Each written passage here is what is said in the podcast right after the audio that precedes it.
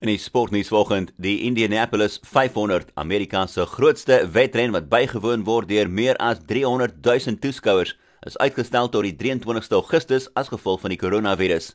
Die wedren se tradisionele datum is die laaste Sondag in Mei en is die jongste groot motorsportbyeenkoms wat geaffekteer word deur die koronavirus. Die eerste 8 Formule 1 wedrenne van die seisoen is al reeds geaffekteer en die Le Mans 24 uur uithou rit uitgestel tot September.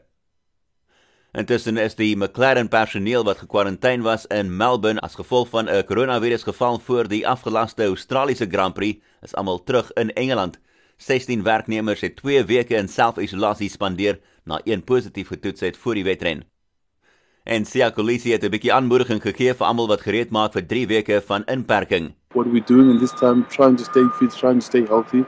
It is possible. It is tough. It is tough for everybody else, not only us business people are also going through a lot and the families of the medical teams are going through a lot, but we'll do what we can by staying at home, exercising at home, protecting our families.